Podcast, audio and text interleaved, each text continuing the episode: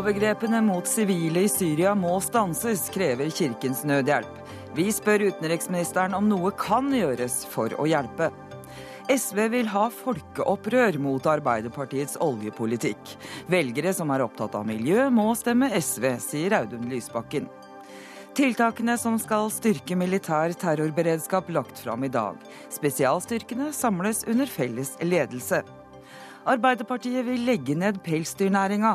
Trist, sier Bent Høie, som frykter at kyllingnæringa står for tur. Og Thomas Pinnås arrangerte maraton til inntekt for kreftsaken. Det må han slutte med, sier Friidrettsforbundet.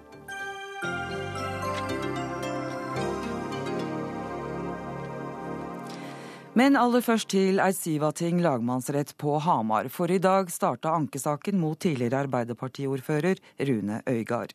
Øygard ble dømt til fire års fengsel for seksuell omgang med en mindreårig, mindreårig i desember i fjor. Og leder av krimredaksjonen her i NRK, Olav Rønneberg, hvordan har dagen i retten vært? Det har vært en eh, dag med kontraster, vil jeg si. Fra oppstart av retten her, juryen som ble valgt ut, eh, og etter hvert aktor da, som holdt sitt innledningsforedrag, eh, til ettermiddagen da denne unge jenta kom i vitneboksen, forklarte seg om ting som åpenbart er svært vanskelig å snakke om. og Det er ingen tvil om at alvoret sank inn for alvor også hos juryen da jenta begynte sin forklaring. Ja, Hvordan har den fornærmede jenta forklart seg? Jeg synes hun har fremstått uh, godt i vitneboksen i dag. Hun måtte ha noen pauser og begynte å gråte gjennom vitnemålet sitt, men klarte likevel med klar stemme uh, å fortelle om dette første overgrepet som Rune Øygard skal ha utsatt uh, henne for. Hun husker fortsatt mange detaljer både om dette overgrepet og om ting som har skjedd tidligere, slik at hun har fått forklart seg i dag, men det er fortsatt tidlig i hennes forklaring. Ventelig vil hele morgendagen gå med til henne. Eh, var det sånn at Øygard måtte flytte seg? Rune Øygard ble spurt om han var villig til å flytte seg bak i rettssalen, slik at jenta slapp å sitte og se på han når hun skulle forklare seg. Eh, og det var Øygard villig til, eh, slik at han satt bakerst bak vitneboksen, noterte på små gule lapper, kommuniserte med en medforsvarer. Men det er helt tydelig at det er en langt mindre offensiv Rune Øygard vi ser her i lagmannsretten enn det vi så i tingretten på Lillehammer. Eh, aktor har eh, sagt eh, Olav Rønneberg, at de har en del nytt materiale, bl.a. flere SMS og bilder. På hvilken måte kan disse, dette nye materialet bidra til å styrke jentas forklaring?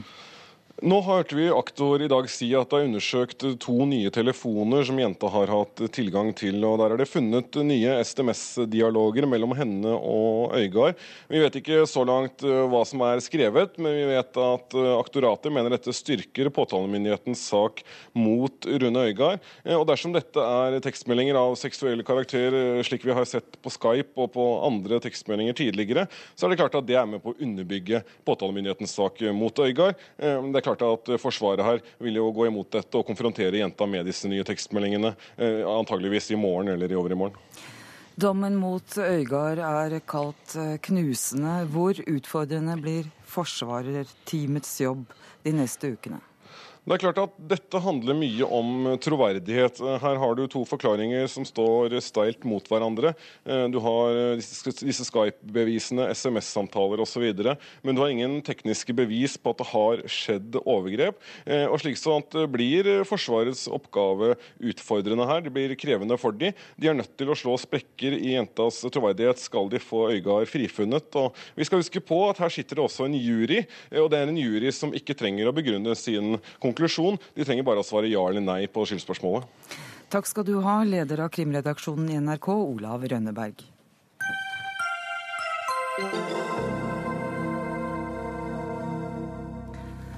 Verdenssamfunnet må samle seg om et krav om å få slutt på overgrep mot sivile i Syria. Det krever Kirkens Nødhjelp. Nye tall fra FN viser at over fire millioner mennesker er på flukt inne i det krigsherja Syria, og nærmere sju millioner mennesker har akutt behov for nødhjelp. Og generalsekretær i Kirkens Nødhjelp, Anne Marie Helland, du besøkte i vinter en flyktningleir i Syria. Hva ble du vitne til?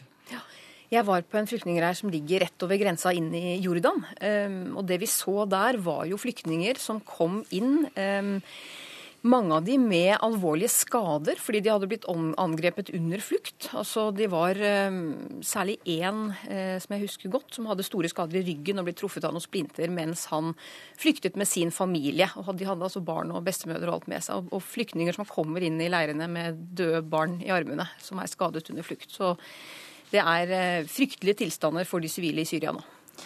Eh, du mener den, og Kirkens Nødhjelp, den etiske standarden i krig er blitt dårligere enn før krigen mot terror eh, starta. Mm. Hva legger du i det?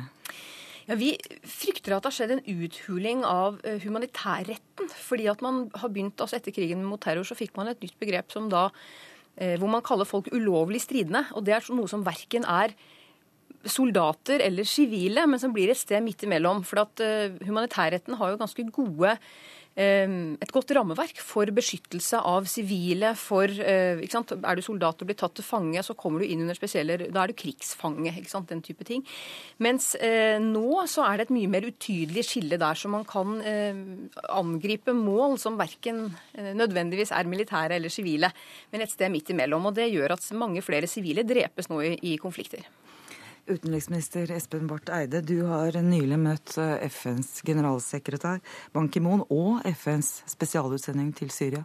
Hva sier de om situasjonen i landet? Både de og alle eh, f.eks. alle de store humanitære organisasjonene, alle FNs eh, høykommissæren for flyktninger f.eks., som vi har nær kontakt med, beskriver jo eh, akkurat som Helland sier, dette er altså en humanitær krise av enorme proporsjoner. Mm. Det er en voldsomt blodig krig, som vi vet, men vi har altså noen tall nå både på flyktninger og internt fordrevne som snart overgår både det vi så under hele Balkankrigen, Irak og Darfur.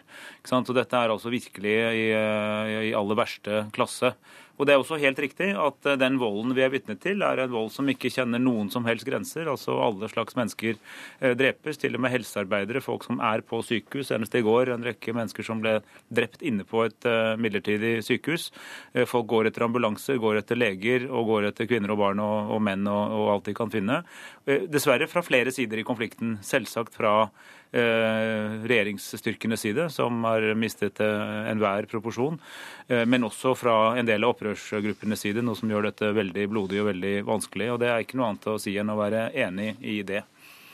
Ja, Kirkens Nødhjelp oppfordrer jo da verdenssamfunnet, og da tenker du kanskje først og fremst på FN? eller? Ja, det også. Men altså, det er noe med å gjenerobre humanitærretten som jeg tror er mm. viktig nå. Å understreke de prinsippene som ligger der, og at man mm. må gjeninnføre den. Eh, og, og, slå veldig hardt ned på det. Det bør bli rett og slett pinlig for stater å over, gjøre overtramp i forhold til humanitærretten. Så man må, må stramme inn den praksisen igjen. Dette er jeg helt enig i, og vi har eh, i flere år hatt en helt konkret satsing eh, globalt, faktisk, med Norge i spissen sammen med en rekke likesinnede, både Røde Kors-komiteen, folk fra FN, likesinnede land, nettopp for å, for å, vinne tilbake respekten for humanitærretten. Så, så, helt generelt vil jeg si at det er en helt riktig observasjon. Har, der har det glidd ut ut. Mm. Når det gjelder borgerkrigen i Syria eh, Kan jeg bare spørre før vi, ja. Eh, hvor langt er dere kommet i det arbeidet? Kan det gi noen resultater i overskuelig framtid? Ja, ja det, det, det, I noen konflikter gir det faktisk betydelige resultater å løfte eh, fokuset på dette prinsippet om distinksjon, altså et tydelig skille mellom stridende og ikke-stridende. Prinsippet om proporsjonalitet, f.eks., for eksempel, altså forhold mellom det militære målet man ønsker å oppnå, mm. og den makt man bruker for å oppnå det. Og Der har vi i, i flere ferske konflikter sett at eh, dette faktisk eh, respekteres i, i, i noen grad. Men når det gjelder borgerkrigen i Syria, eh, så respekteres humanitærretten overhodet ikke, og tilsynelatende ikke av noen part. Og det vi helt konkret gjør der, er at vi har, vi har, en veldig nær kontakt med både humanitære aktører og en del land som er opptatt av dette, mm. om å få de som har direkte kontakt med de stridende parter.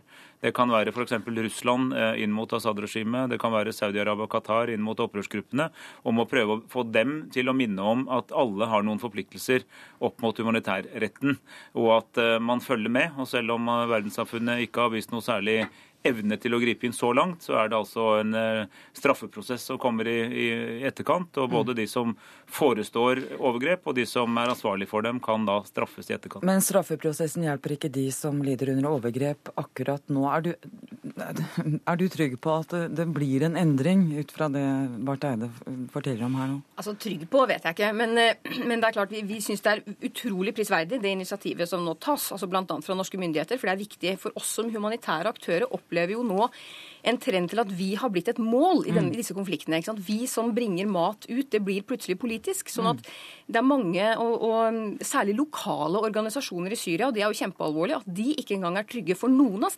partene. For hvis de mistenkes nå for å gi hjelp til den andre, så blir de et mål. Og, og, og Så matlagre ranes, og det, folk kidnappes for løsepenger, og så man blir som humanitær aktør et mål. Og det vanskeliggjør jo arbeidet voldsomt. Og det, og det er et fenomen vi ser altfor mange steder. Dette er den ekstreme utgaven av logikken 'er du med oss eller mot oss'? Mm. Og hvis man stiller det spørsmålet, så er det ikke noe rom for uh, upartiskhet og nøytralitet i midten. Og humanitære aktører trenger altså et slikt uh, nøytralt rom, eller et, et, humanitært rom, for de som bare vil hjelpe og ikke har noe annet formål. Og det, det er jeg helt enig i at der har det vært en alvorlig utglidning. Samtidig som det har vært det, så er det også en økende bevissthet om problemet internasjonalt. Mm. Og det er eh, noe vi forsøker å stå sentralt i og, og, løfte igjen. Så vidt jeg husker, så kom, var det forrige uke FNs sikkerhetsråd kom med en uttalelse hvor de fordømte volden i, mm. i Syria, så det var fullstendig uakseptabelt. Hva kan en sånn uttalelse brukes til? Er det, det er kan det brukes til noe som helst? Det er et bitte lite skritt, men det er et bitte lite skritt i riktig retning. Eh, og det jeg mener med det, er at eh, vi vet f.eks. fra de første årene av Jugoslavia-konflikten, som mange av lytterne vil høre tidlig på 90, huske tidlig 90-tallet, at uh, verdenssamfunnet var dypt splittet. Det bidro til å forverre konflikten, fordi alle aktørene lyttet til den part som sa det de ønsket å høre. Mm. Eh, når etter hvert som verdenssamfunnet klarte å samle seg om noen felles standpunkter, så begynte det gradvis å få en effekt. Vi er langt, langt unna, men bare det at Sikkerhetsrådet er i stand til å fatte et vedtak om noe som helst eh, som knytter til Syria, er et fremskritt.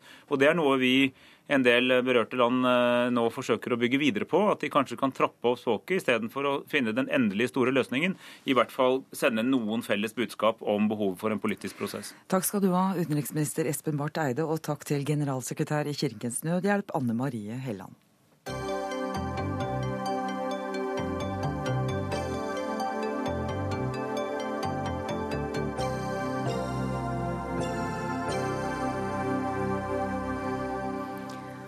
SV mobiliserer til velgeropprør mot Arbeiderpartiets oljepolitikk. SV-leder Audun Lysbakken mener Arbeiderpartiets vedtak om konsekvensutredning av områdene utenfor Lofoten, Vesterålen og Senja gir store muligheter for å mobilisere velgerne til å stemme SV. Det sier han til Dagsavisen i dag. Og SV-leder Audun Lysbakken, du er med oss fra Bergen, håper jeg? Jeg er med deg. Ja. Så langt er det bare en utredning av områdene utenfor eh, Lofoten, Vesterålen og Senja som Arbeiderpartiet har eh, vedtatt. Er det så alvorlig, da? Dette forslaget som kommer fra Arbeiderpartiet sitt landsmøte, er ikke noe kompromiss. En konsekvensutredning det er første steg i en åpningsprosess, og det er vi i SV helt imot. Så mobiliserer ikke vi til opprør mot noen andre partier, men vi mobiliserer til støtte støtte for det som er en fornuftig miljøpolitikk og fiskeripolitikk. Og det er å ta vare på områdene utenfor Lofoten, Vesterålen og Senja. Ikke utsette de for unødvendig risiko, eh, og derfor si nei til at oljeindustrien skal få eh, tak i de områdene. Men det er Arbeiderpartiet altså som har eh, vedtatt eh, konsekvensutredning, og dere skal mobilisere eh, mot det, så vidt jeg forstår det dere har sagt før i dag. Hvordan skal du mobilisere velgere mot Arbeiderpartiets oljepolitikk? Jeg skal mobilisere velgere for SV sin oljepolitikk og miljøpolitikk. Det vi ser nå, er at vi står enda sterkere enn vi gjorde for fire år siden. Det er en økende motstand i kystbefolkningen. Fiskerne står har samlet eh, imot, fordi de ser at det er umulig på den smale sokkelen i havområdene utenfor Lofoten, Vesterålen og Senja å unngå store interessekonflikter mellom fisk og olje. I tillegg så vet vi mer nå enn vi gjorde for fire år siden. En konsekvensutredning er unødvendig fordi vi i dag har helt avgjørende kunnskap både om miljørisikoen og risikoen for fiskeriene. Alle de tunge faginstansene på både fiskeri og miljø har advart mot å åpne eh, disse områdene. Audun Lysbakken, dette er en uh, viktig sak for uh, SV. Samtidig som dere skal fortsette å sitte i regjering med, med Arbeiderpartiet. Kan ikke dette være et tveegga sverd?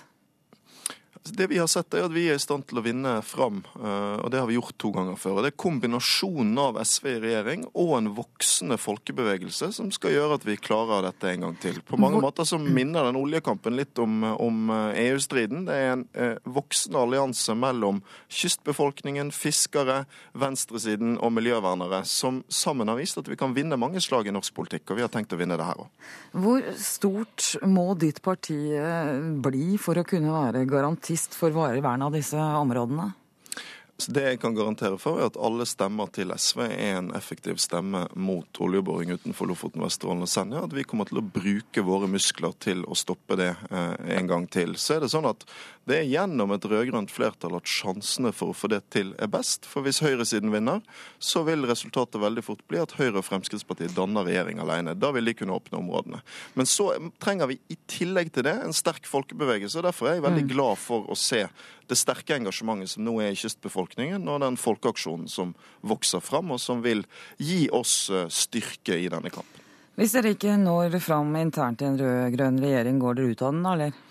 Altså, du vet det at Jeg kommer ikke til å begynne de forhandlingene i uh, radiostudio. Uh, det er fordi Nei, det er bare et svar. Ja, Den beste muligheten til å nå fram er å danne en rød-grønn regjering på nytt. Uh, og Så får vi forhandle om saker. og Da begynner ikke jeg med å si hva vi skal gjøre hvis vi ikke får det til. For jeg tror vi skal få det til, fordi vi har kunnskapen og argumentene på vår side. For oss så er dette en veldig, veldig viktig sak. Det er et veivalg og et verdivalg for Norge. Det er en mm. mulighet for oss som nasjon til å ta en beslutning som skal stå også over generasjoner, og det er å ta vare på fiskeriressursene og ta klimahensyn. Audun Lysbakken, vi stiller ikke ultimatum, men dette er en avgjørende sak, sier din partifelle og miljøvernminister Bård Vegar Solhjell.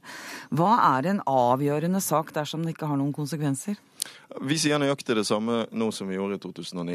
Eh, og da ja, men Det er greit, da? Da vant vi fram. Så har vi det prinsipp at vi ikke driver og kaster ultimatum til hverandre i offentligheten de rød-grønne partiene imellom. Vi setter oss ned og forhandler skikkelig og løser saker. Og Det er den måten vi tror vi kan vinne igjennom på. Derfor gjør vi det. Dette handler kun om én ting, og det er om Lofoten, Vesterålen og Senja. Og vi går til denne kampen med stor selvtillit, for vi har vist at vi kan vinne igjennom før. og Derfor skal vi slåss den kampen på akkurat samme måte denne gangen. Ja, Det dere vant eh, gjennom eh, sist ble jo kalt en utsettelse, og det er vel mye som tyder på at det er det det handler om, da, ikke, ikke å vinne kampen? Altså, Tiden jobber uh, for vår sak. Vi uh, vant igjennom i forrige periode. Regjeringens politikk i denne perioden er også å ikke åpne disse områdene. Uh, og jeg tror at jo lenger tid som går, jo mindre sjanse er det for at oljeindustrien vil få etablere seg utenfor Lofoten, Vesterålen og Senja. Ganske enkelt fordi utviklingen innenfor andre energiformer ruller videre, og klimaendringene vil stille så sterke krav til Norge at vi må satse på andre ting enn olje og gass.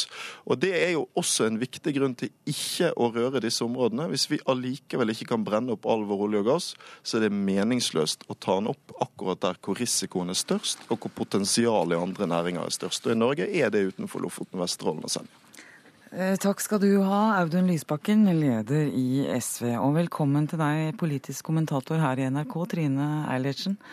Eh, er Arbeiderpartiets oljevedtak en eh, gavepakke til, til SV i valgkampen? Ja, det er det. Det hadde vært hvis Arbeiderpartiet mot formodning skulle ha parkert denne saken og sagt at vi er heller ikke interessert i at, at det skjer noe utviding eller konsekvensutredning der så hadde SV mistet sin viktigste valgkampsak. Så det er Jeg skal ikke si de feiret hos SV da, da vedtaket kom, men det er klart at det gjør valgkampen enklere for, eh, for SV. Men kan SV være en garantist for varig vern av disse områdene uten at de stiller noen eh, krav som er så langt mot ultimatum du kan komme? Ja, altså det, det, nærmer seg jo et uh, ultimatum. Så tror jeg vi, vi, alle må erkjenne at varig vern det, det, det er like varig som uh, hvert, av, hvert, av, vi mennesker som går her på jorden. Det er ikke noe som er varig. Det er situasjonsbetinget. Men, uh, men det er klart at det Lysbakken har rett i, det er at eh, situasjonen i, i, nord, altså rundt denne bransjen, endrer seg hele tiden. Vi ser at, vi ser at det skjer ting i Barentshavet der eh, aktiviteten øker. Mm. Eh, vi ser at diskusjonen om hvor riktig det er at vi tar opp eh, alle disse fossile ressursene, i hvert fall oljedelen av den, om ikke gassdelen av den, mm. eh, øker i intensitet. Så det er klart at du vil få nye problemstillinger hele tiden som gjør at, at den vil leve. Det er ikke en statisk problemstilling. Ja, det har vel også noe med oljeprisen å gjøre? vil jeg Ikke tro. minst. Ja. Mm. Eh, Arbeiderpartiets oljevedtak er et kompromissvedtak, sier de i Arbeiderpartiet mm. i hvert fall. Eh, så lenge det er det, kan da SV håpe å, å stjele så mange velgere fra Arbeiderpartiet? Ja, altså det er mobiliseringspotensialet, for å si det komplisert, i dette. Det er, det er, ikke gjort veldig mange målinger eh, på akkurat den saken eh, i Norge. Men det ble gjort en måling i Nordland eh, i vinter, som avisa Nordland og NRK gjorde. Og Den viste jo en tredobling i oppslutningen rundt SV i, i vinter, som følge av at denne saken kom høyere på agendaen og, og gjør at de kanskje kan redde et mandat fra, fra det fylket. Sånn at den saken mobiliserer i hvert fall der. Det som er, blir spennende å se, er jo hva grad han mobiliserer eh, i resten av landet. Som frem mot valget så han faktisk greier å løfte, løfte SV så mye som det partiet behøver mm. for å komme i posisjon til overhodet diskutere eh, både regjeringsplattform og ultimatum. Det er et godt stykke unna der nå. Ja, Hvor langt er omtrent? Og det er, det, det er ganske Omtrent. mange tusen velgere unna. mm. eh, og ikke minst fordi Senterpartiet også sliter. Så det, det er langt unna før de, før de rød-grønne akkurat nå i hvert fall kan realistisk tenke på å lage en Soria Moria 3. Dersom SV nå klarer eh, å mobilisere velgere på oljepolitikken til, til, Arbeiderpartiet, vil de først og fremst ta velgere fra Arbeiderpartiet, tror du, eller kan de like gjerne ta fra, fra andre partier? Ja, så De kan nok ta litt der. Litt av utfordringen eh, til SV nå ser at vi, de utfordres fra De grønne. Eh, de utfordres også fra Venstre på miljø, og det kommer til å bli en, en viktig diskusjon mellom de to hvem som er mest sannsynlig kan være en garantist eh, mot oljeboring i Lofoten hvis de kommer i eh, hver sin regjering. Eh, og, men, men det, som, det, som, jeg tror vi kommer til å se, det er at for en del i Norge så er, er nok av denne saken her allerede De er allerede mobilisert på den. Mm. Så det er kanskje ikke så lett å finne mange nye velgere som ikke allerede har bestemt seg. Takk skal du ha, Trine Eilertsen, politisk kommentator her i NRK.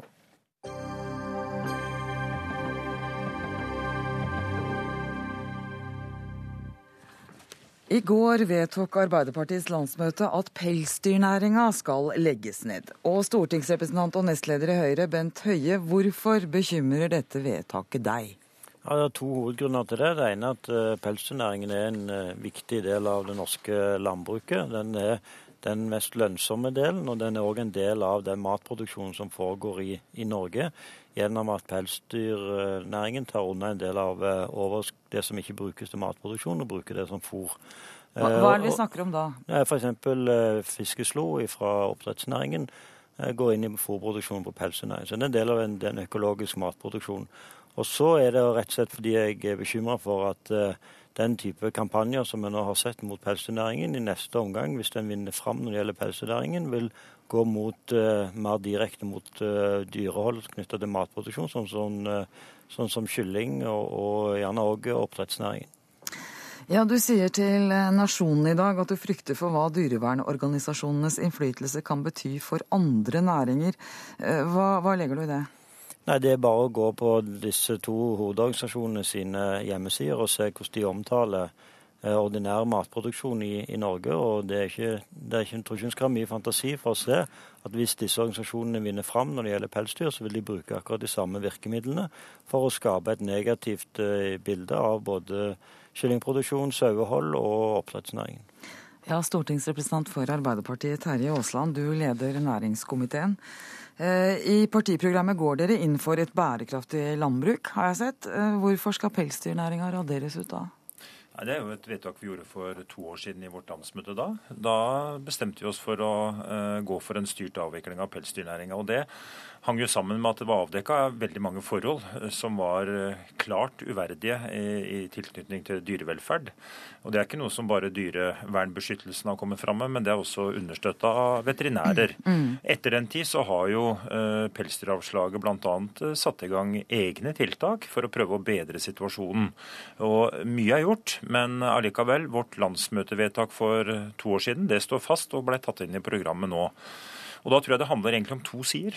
Det ene er at uh, dyrevelferden er omdiskutert fremdeles i forhold til pelsdyroppdrett. Det andre er forhold til det etiske sidene og de moralske sidene. Om det er nødvendig å ha dyrehold for å bygge opp under en, skal vi si, en luksusbehov uh, som, som ligger i tilknytning til pelsen.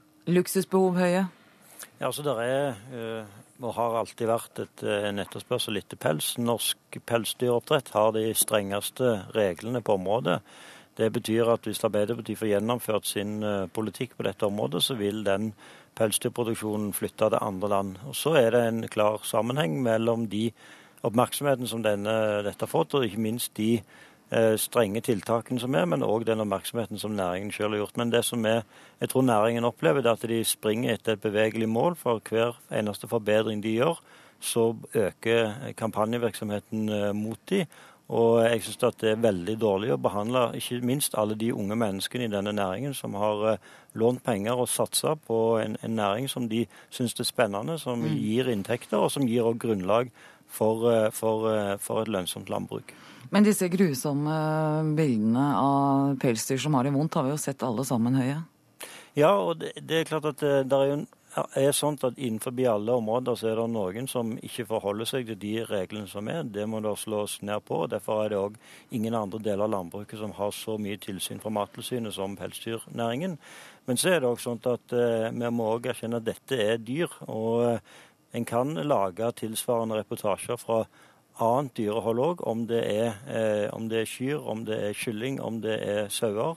Hvis den eh, ønsker Sier du at det er mishandling overalt? Hvordan Nei, jeg sier ikke det er mishandling, men jeg sier at uh, dyr blir skada, de skader mm. andre, og uh, de blir syke. Det som er galt, det er hvis den som driver med dyrehold, ikke retter opp i dette, ikke gir en god behandling når det skjer. Men det er muligheten til å ta denne type bilder, det vil det være i alle steder der det foregår, foregår dyrehold. Og Det er òg en, en, del av min bekymring at vi som samfunn har på en måte fjerne oss så langt ifra med matproduksjonen. Mange av oss ikke lenger har eh, innsikt i hvordan det er på en gård, og dermed så har det òg Dyrevernalliansen bedre gjennomslagskraft enn det de burde hatt.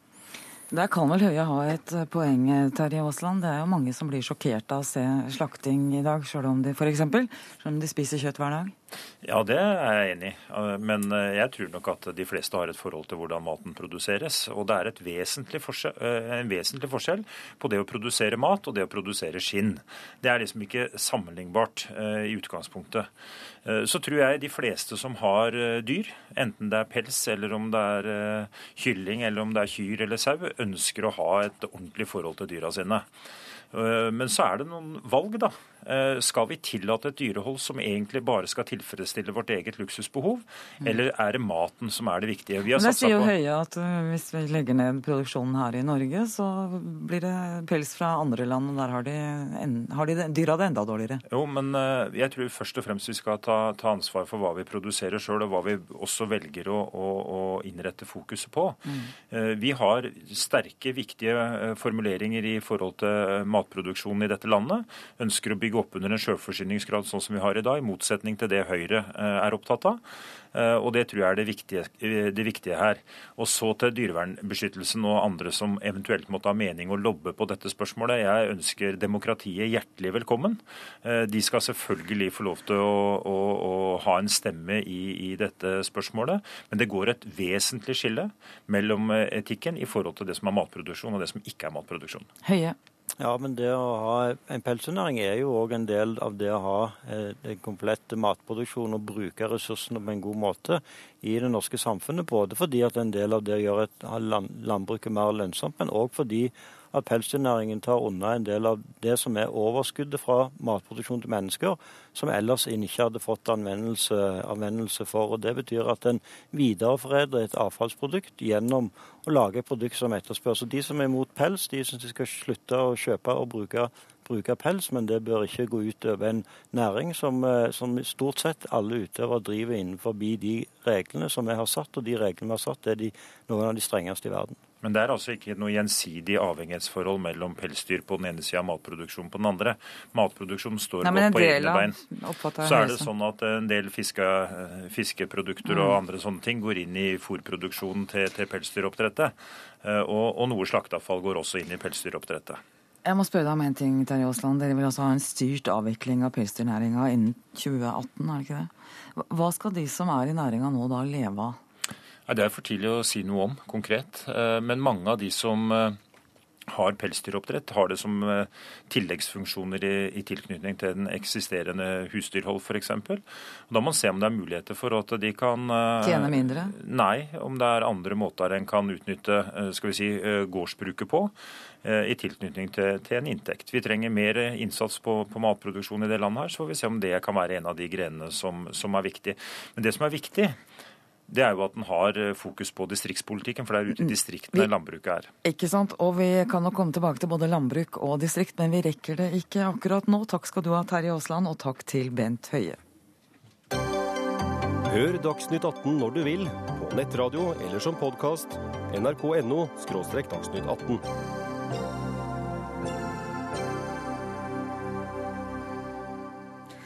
I dag presenterte forsvarsminister Anne Grete Strøm Eriksen tiltak for å styrke beredskapen i Norge. Marinejegerkommandoen skal bistå politiet ved terrorangrep. De to spesialstyrkene skal organiseres under én sjef i Oslo. Gamle bygg skal rustes opp, og det skal bygges nye bygg. Velkommen til Dagsnytt 18, forsvarsminister Anne Grete Strøm Eriksen. Takk for det. Hvordan vil disse tiltakene styrke den nasjonale beredskapen? De vil styrke beredskapen ved at eh, det første er jo at Marinejegerkommandoen blir satt på beredskap. Eh, Det er jo slik at i dag så er det FSK som har den støtten for politiet. eh, I kontraterroroppdrag. er for- Forsvarets spesialkommando, som er lokalisert på Rena. Og så har vi Marinejegerkommandoen, som er lokalisert i Bergen. Og da, nå skal de også på den samme type nasjonal beredskap, med utgangspunkt i Bergen. Og det er klart at det vil øke muligheten for støtte til politiet. Det er veldig viktig å understreke at det er politiet som har ansvar for håndtering av terror i Norge. Men Forsvaret har både dyktig personell og godt utstyr til å bistå, og det er det vi nå sier at det gjør vi på en enda bedre måte.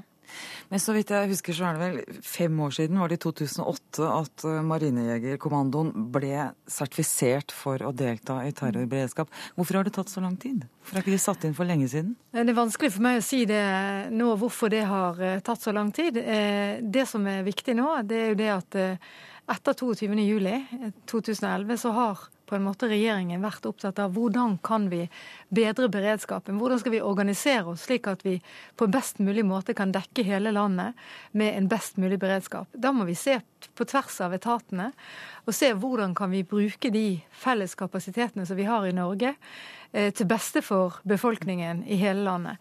Eh, Og eh, det er det som gjør eh, at vi, i hvert fall Forsvarsdepartementet, forsvarssjefen, har jobbet med å se på hvordan dette kan bli bedre, og det er det vi har lagt frem i dag.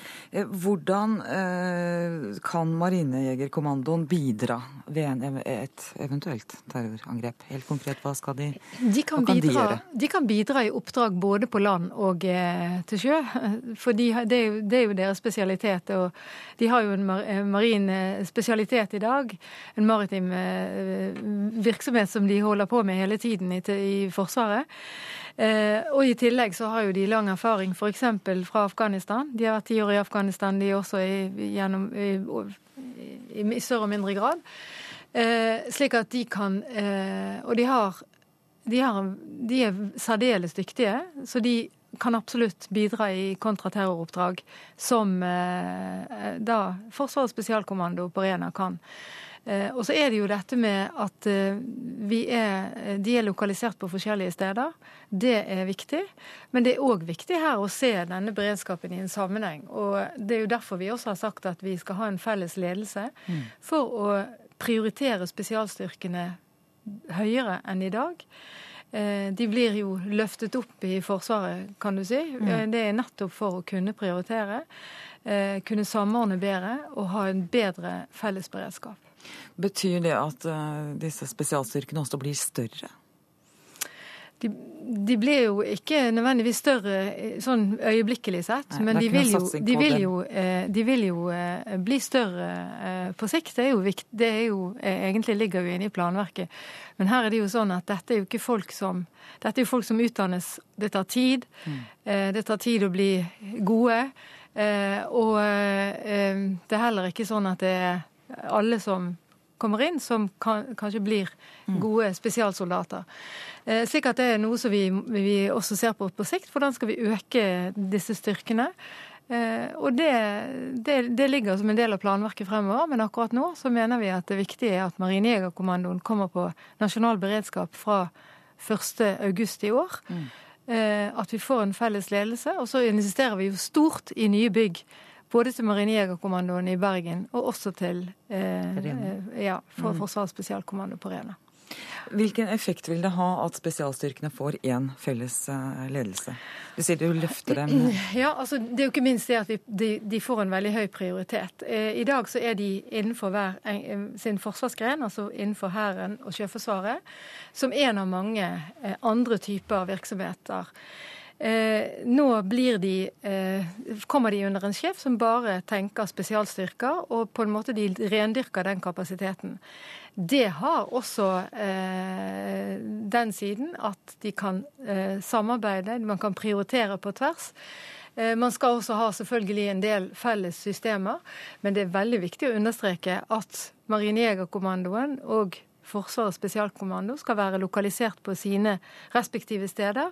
Marinejegerkommandoen Ellers er jo hadde du også- fått trøbbel i Bergen. Jo, men eh, det, eh, det hadde vi nok fått. Men det hadde også vært helt feil, fordi at der er, de er jo også helt avhengige av å samarbeide med Sjøforsvaret. De er helt avhengige av å være der hvor fregatter og ubåter og alle eh, Sjøforsvarets kapasiteter er.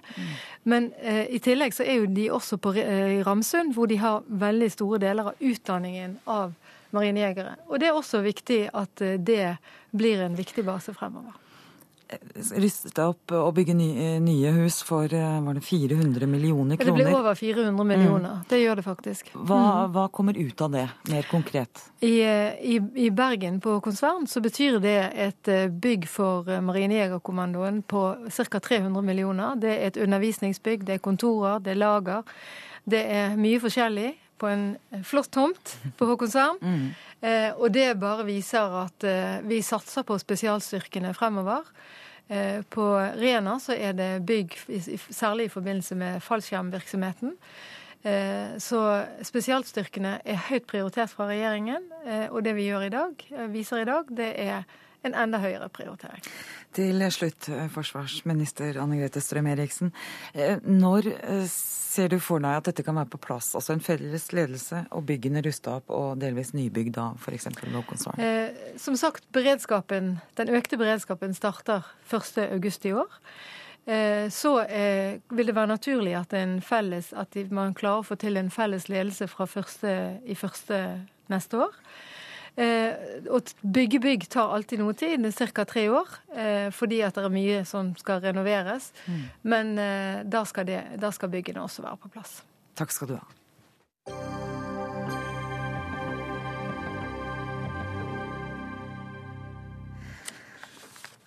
Helge Lund har slakta Statoil. Ja, det skriver ansvarlig redaktør Hogne Hongseth i Næringslivsmagasinet På spissen.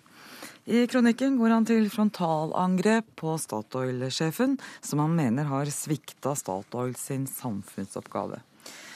Eh, Hogne Hongseth, du er eh, redaktør av magasinet På spissen, som eies av Industri Energi.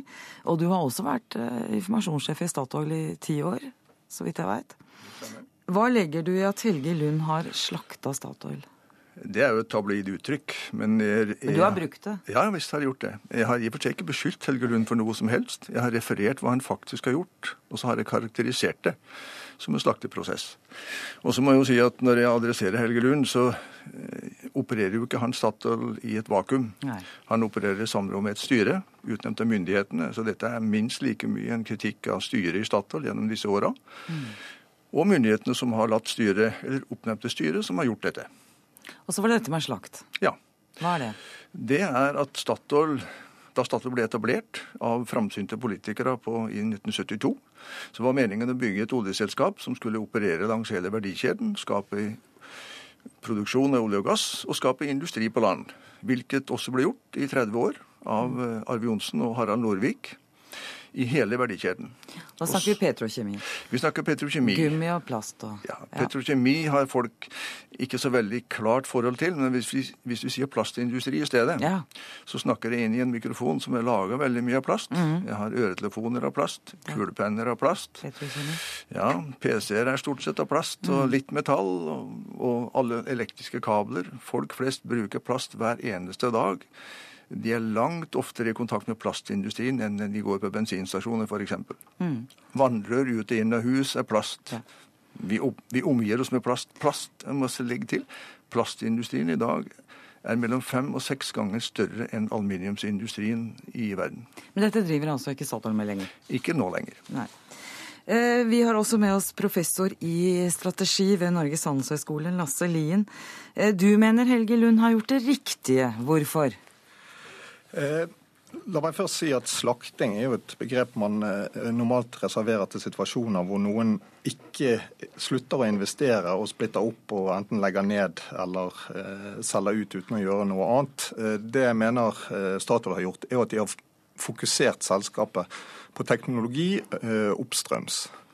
Forklare hva oppstrøms er for de som ikke er inne i termen. Ja, Oppstrøms det er jo det som er nært utvinningsfasen. Og nedstrøms det er det som er nært sluttbrukere. Så, eh, Så er nedstrøms vil jo f.eks. være bensinstasjon. Eh, Mm, mm. Og så mener du Helge Lund har gjort det riktige. Ja, og det er to uh, grunner til at jeg mener dette er riktig. Det ene det er hensynet til Statoil, og det andre det er hensynet til de virksomhetene som Statoil har solgt ut. Og Grunnen til at jeg mener at eh, dette er riktig, det er for Statoil, det er det at eh, spesialisering er eh, i de fleste sammenhenger nødvendig for å bli god. Altså det, det er sjelden at folk driver med fotball og basketball eh, på høyt nivå samtidig. Eh, og eh, Oversatt til denne sammenhengen så betyr det at man bør konsentrere ledelsens oppmerksomhet, kapital og organisasjonsutvikling og bestrebelser på det man kan bli god på. Så Hvis Statoil er et fotballag, så mener jeg da at f.eks. bensinstasjondrift eh, det er mer basketball, og kanskje noe eh, Statoil ikke bør eh, drive med. Ja, Hongseth, er ikke det et poeng at det er om å gjøre å satse på kjernevirksomhet og spesialisere seg, for det lever i en globalisert verden hvor konkurransen blir stadig sterkere? Jo da, det høres tilsynelatende smart ut. Men jeg blir alltid imponert over professorer i mange sammenhenger, også nå. For hvis det hadde vært sånn at Statoil i tillegg til olje og gass hadde vært i pizzabransjen og møbelindustrien, og så solgte seg ut av pizza og møbel, så hadde professoren et godt poeng. Da konsentrerte man seg om olje og gass. Det Statoil gjør, og Statoil-styret har gjort, det er å skjære av verdikjeden og beholde bare den delen som produserer råvaren, og så konsentrere seg om å selge den. Det er en god business alene. Men det er ikke riktig når professoren sier at dette er en, en, ten, en trend og en tendens, som han altså uttalte til Stavanger Aftenblad i dag. Skal vi sammenligne Statoil, så må vi ikke sammenligne med fotballag eller pizza eller møbelbransje, men med andre oljeselskap. Ja, Hvordan er det med andre, opp, Andre oljeselskap, de store. Shell, BP, Total, Eni, ExxonMobil, Chevron, ConocoPhillips, alle er på hele verdikjeden. Det er fullstendig bom, eh, skivebom å si at dette er en trend. Her har jeg bare tatt de tilfeldige hjemmesider Ja, er fra disse. vet du, så Ja, vi er på radio, men vi er på NRK2 òg. Så det eh, men altså, hvis du går på hjemmesidene til disse selskapene, så reklamerer alle med sin, sin eh, verdikjede over, over hele greia. Og så vil jeg få legge til, hvorfor gjør de det? Mm. Det er fordi at eh, oljebransjen, hele verdikjeden, er en syklisk bransje. Har alltid vært det, både oppstrøms og nedstrøms. Ja, Hva mener du med det? Jeg mener det at oljeprisen varierer voldsomt over tid, hvis vi ser litt historisk på det. Det gjør også prisene på petrokjemiske produkter. De som er over hele verdikjeden, de tjener godt på oljepris, oljesiden. Når den prisen går opp, da er petrokjemiprisene pressa. Hvis oljeprisen går ned, så er det en risiko, og det er det Statoil gjør. Man legger alle eggene i én kurv. Og dermed så er det også sånn at eh, hvis oljeprisen går ned, så vil Statoil være ekstremt ekstra utsatt. I, motsetning til de andre selskapene som er over en balansert portefølje. Og jeg må gjerne legge til at det er ikke mer enn 14 år siden oljeprisen var 10 dollar. Den var faktisk under det. Ja, eh, Professor eh, Lasse Lien, er ikke det et poeng at det kan komme regnværsdager, og da kan det være greit å ha andre bein å stå på for, eh, for Statoil også? Jo. Jo, det kan jeg. Hvis jeg kan bare få lov å gå tilbake inn til en av de tingene Hongset sa først her. Dette med at oljeindustrien er veldig integrert globalt. Det er riktig. Noen av de har begynt å selge ut, særlig nedstrømsvirksomheten. Men der, det som var mitt poeng i Stavanger Aftenblad, det var det at den brede trenden i nesten alle næringer er det vi kaller for eh, bransjemessig spesialisering og geografisk diversifisering. Altså Bedriftene blir mer og mer internasjonale om en smalere del av virksomheten.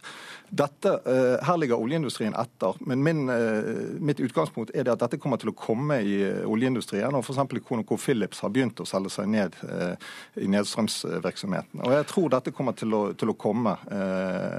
og Derfor mener jeg det at det er riktig det Statoil her gjør. ConocoPhillips selges ikke ned. ConocoPhillips har lagt all sin virksomhet sammen med Chevron i et nytt Vi har litt begrensa tid. Ja. For okay. du, eh, Hogne Hongseth, du, du, går jo også ut mot uh, Helge Lunds bonusordning og sier at den uh, er feil. Ja, Helge Lund har jo nettopp annonsert via sine, en av sine folk at Statoil skal outsource til lavkostland flere hundre stabsstillinger for å spare kostnader. Eh, og Det gjør han selvsagt fordi at det vil jo bidra til, sannsynligvis riktig, at eh, Statoils bunnlinje forbedres. Og Statoils bunnlinje styrer Helge Lunds bonus. Så det jeg har skrevet og mener, er at det kunne vært en god idé å konstruere Statoil-sjefens bonus ut ifra hvor mye arbeidsplasser han skaper, ikke hvor mange han fjerner. Mm. Ja, Lien, det kan jo høres uh, fint ut det så lenge Statoil er statlig eid selskap, at det har noen sånne oppgaver, å sørge passe på arbeidsplassene? Altså, det, jeg tror vil skje da, det er jo det at dette vil bidra til å vri fokuset eh, til Statoil og til Helge Lund fra å maksimere verdiskapingen til å maksimere størrelsen på organisasjonen. Eh, og Det tror jeg vil gi et svakere press på utvikling av teknologi, som er det som Statoil er gode på og skal være gode på. Og Det er også en historie her med at eh, oljeindustrien på slutten av 70-tallet eh, drev og ekspanderte inn i alt eh, mulig rart. Eh, altså da, på dette tidspunktet så hadde man veldig mye penger i oljeindustrien etter oljekrisen på, på 70-tallet. Er det, er, det er det ballspill du tenker på? Eller? Nei, eh, ol, eh, oljeindustrien eh, fokuserte på størrelse, eh, i den forstand at man tjente veldig gode penger på slutten av 70-tallet og hadde ikke lyst til å eh, betale disse ut som utbytte, så kjøpte man seg inn i alt mulig rart for å eh, gjøre virksomheten større. Nå snakker jeg generelt om oljeindustrien, ikke, ja, ja. ikke nødvendigvis om Statoil. Jeg tror vi holder oss til Statoil. Jeg skal okay, si at Helge Lund er selvfølgelig invitert til å være med her i dag. Det hadde han ikke anledning til. Mm. Men mitt poeng er det at å gi toppledere insentiver til å maksimere størrelsen på organisasjonen. Det vet vi fra historien, og det er grundig dokumentert at det er farlig. Altså Alle som husker eh, merkantildata og storebrannsoppkjøp under landgangen og eh, ja. Eh, sånne ting. Dette er, dette er en litt tabloid sak, sånn at det, det, er litt morsomt. Det jeg har lyst til å si til slutt, er at tilbake til dette med hva oljeselskapene gjør, så er det faktisk feil, som professoren sier, at oljeselskapene er i ferd med å selge seg ut. Det er helt feil. Når han sammenligner med andre bransjer, så er det greit. men i i oljeverden så er oljeselskapene, alle de store, de er tvers igjennom hele verdikjeden. Og der har de åpenbart tenkt å være. Det tviler jeg på. Der fikk Lasse Lien eh, siste ord. Takk skal du ha, og takk til Hogne Hongseth.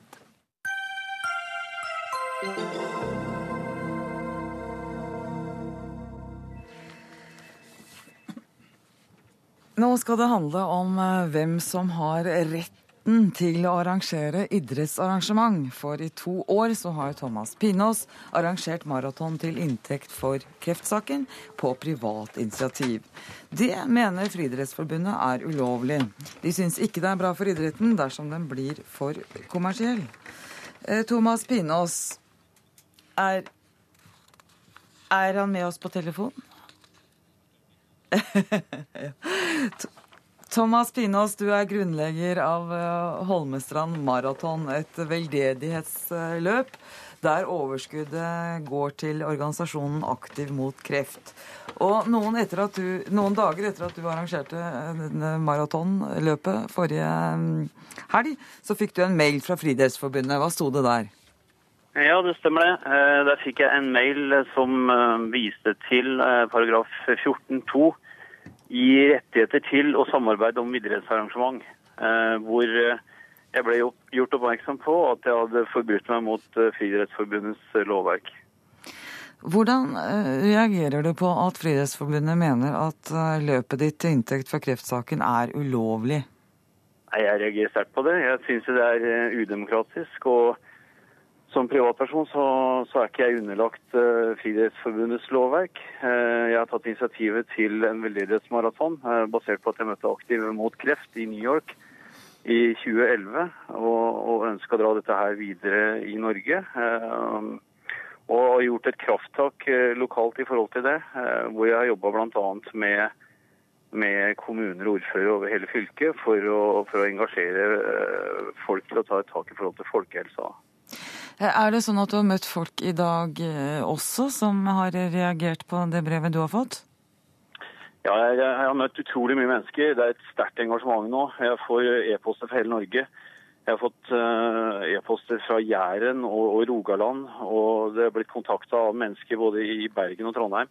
Og, og felles, uh, felles for, uh, for, alle er jo det at det går jo nå en mosjonsbølge over landet. Ehm, og, det, og, og, den har på en måte økt eh, med fokus på folkehelsa.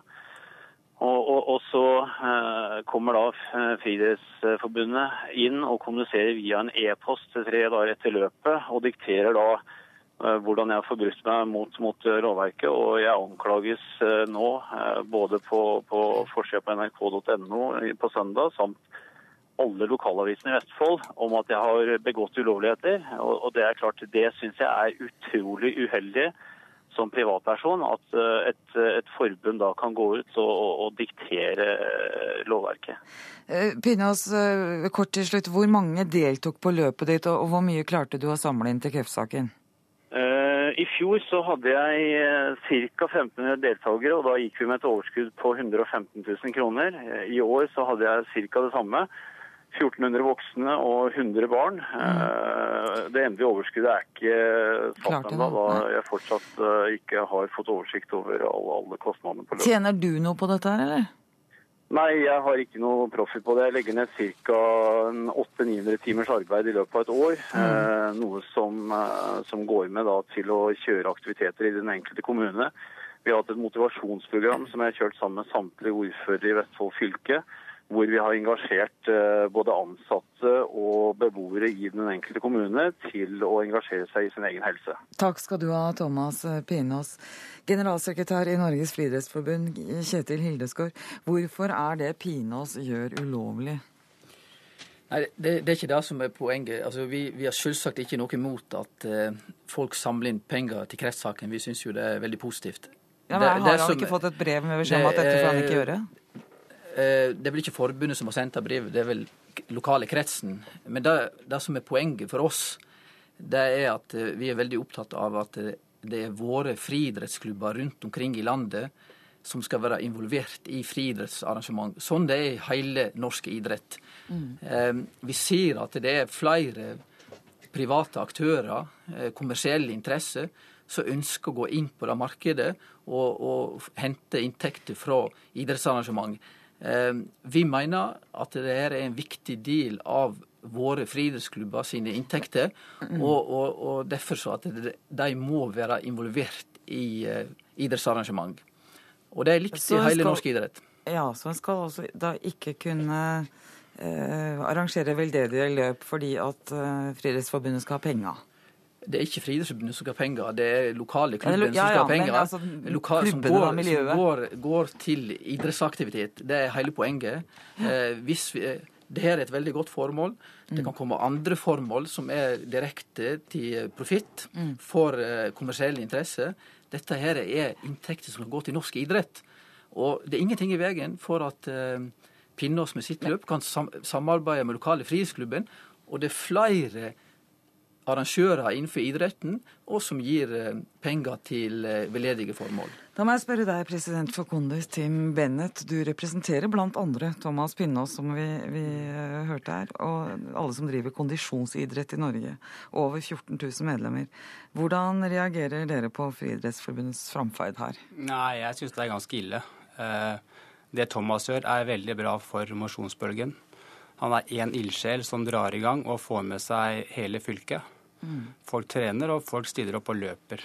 Og det må jo være positivt uansett. Eh, og så lenge han faktisk ikke tjener noe på det, og pengene går til noe som er bra, mm. så har ikke Kondis noe som er et problem med å godta det. Faktisk ikke. Men vi hørte Pinnås si her at han har fått beskjed om at dette er, er ulovlig. Hvilke regelverk er det som eh, gjelder her, da? Nei, altså Der, der får jo eventuelt jurister ta seg av. i forhold til, eh, vi, vi, er ikke jurister, men, men altså hvis du, ja, bruker, hvis, du, hvis, du, hvis du, bruker konkurransereglementet til, eh, til idretten, så, så, skal idrettslaget som er i den idretten, være involvert. Det er nedfelt i, i norsk idrett sine lover. Så det er ingen andre enn idrettslag som men, har, har, lov til å arrangere idrettsarrangement? Det, er det, det, det er nok lov for private, men, men, vi vil hele tiden jobbe for at idretten skal være involvert. Og det er klart at Hvis dette sprer om seg, at vi får en, en rad med, med, private og kommersielle arrangører, så vil store inntekter forsvinne fra ja. norsk idrett, og som vil gjøre at vi kan drive mindre men, men kommersielle er jo én ting. Dette handler jo om uh, kreftsaken, dette tilfellet. Men før vi går videre, skal vi gå til deg, idrettsjurist Gunnar Martin Kjenner. Du kan uh, lovverket. Er det Pinnås og kanskje andre private aktører uh, gjør ulovlig, altså arrangere løp? Nei da, det er på ingen måte ulovlig. Og det arrangeres jo private idrettsarrangementer i stor utstrekning eh, i Norge. Vi har nettopp hatt påske, og det er vel nesten i hver hyttegren så er vel et, eh, et påskeskirenn som ikke har noe med idretten å gjøre. Jeg tenker på de skolene som feirer 17. mai og har løper 60-meteren og sånn. Ja, det er jo en del. Ja da, det er, det er, ingen forbud i Norge mot private idrettsarrangementer. Men når det er sagt, så har jo den organiserte idretten tatt seg et monopol eh, til å arrangere da spesielt den organiserte idretten. Og vi har jo opp gjennom årene hatt en del konfliktsaker hvor store arrangementer, det er de som kommer i fokus, naturligvis eh, For da er det mer penger? Ja, nettopp. Mm. Kommer i konflikt med den organiserte idretten. Og vi som har blitt tørre bak ørene, vi husker kanskje den proffligaen på skøyter på Savalen for noen eh, år siden. Hvor eliteskøyteløpere gikk ut av Skøyteforbundet og startet en proffliga. Og de ble da svartelistet i den forstand at de ikke fikk delta i den organiserte delen av idretten deretter. Og det er, den, det er det sanksjonen som idrettsorganisasjonen har, at de som da deltar i arrangementer som idretten opplever som konkurran direkte konkurranse, særlig av kommersielle grunner, de kan utelukkes gjennom, eh, fra den organiserte idretten. Er det en reell trussel, tror du, Tim Bennett, for de som ønsker å arrangere private idrettsarrangement, at de kan bli straffa av Idrettsforbundet? Altså, de er vel, altså, skal man være redde for det? Det syns jeg ikke man skal være. For det, jeg, altså, det, blir feil uansett hvordan man snur og vender på det. Her er det snakk om å få folk i aktivitet. Mm. Eh, det er mitt eneste mitt mål, faktisk. Og det er det som er viktig her. Ja, Hildeskår, det handler om å få Det er vel dere opptatt av? Det er vi svært opptatt av. er det ikke vi, fint at flere enn dere driver vi, med det, da? Vi, det er nettopp det vi er opptatt av. Og har, skal, i kveld så er det nesten, jeg tror det er 100 000 påmeldte til Tinestafetten, som er en stafett for barn. Mm. Og det er nettopp det vi driver med. Men vi ønsker å hjelpe våre idrettslag sånn at de får inntekter fra idrettsarrangement. Men er det, ikke, tror, er det, ikke, plass til alle, jo, både et løp for kreftsaken og jeg, til jeg, jeg, tror dette kan løse seg enkelt. Jeg. Ja. Ved at uh, han, han, samarbeider med lokale friidrettsklubben, så blir de enige om hvordan de skal gjøre dette. Det er ikke verre enn det. Jeg, jeg, jeg syns saken har kommet litt skjevt ut. Ja, Men du må, du må deale og, og, med den lokale friidrettsklubben, da, ja, som for, dere ser det. Du får ikke lov å gjøre dette på egen hånd. Det er prinsippet. Hvis du får mange andre arrangører rundt omkring i Norge, mm. så vil jo ikke lokale idrettslaget få arrangere idrettsarrangement. Da blir det konkurranse med mange andre, og da mister vi masse inntekt til, til positiv aktivitet for barn og ungdom. Og det ønsker vel ingen. Ja, Bennett. det dere kan da risikere å få skylda, dere som driver kondisidrett, for å frarøve de organiserte penger til barn og ungdom? Jeg er helt, helt uenig i det han sier. Eh, han lager et sånt skremselsteppe hvor han sier at uh, dette vil ødelegge for alle klubbene. Det er selvfølgelig ikke sånn det er. klubbene vil jo i veldig stor grad fortsatt arrangere, og sånn vil det alltid være. Og så vil det komme en og annen som Thomas, som har et ideelt formål, som han gjør, jobber igjennom, får med seg masse til å løpe, og gir penger til et godt formål. Det er det eneste. Jeg ser ikke bort fra at det blir flere runder i denne saken. Takk skal dere ha så langt. Denne sendinga nærmer seg faretruende slutten. Ansvarlig for sendinga Dag Dørum, teknisk ansvarlig Erik Sandbråten, og her i studio Eva Nordlund takker for følget. God kveld.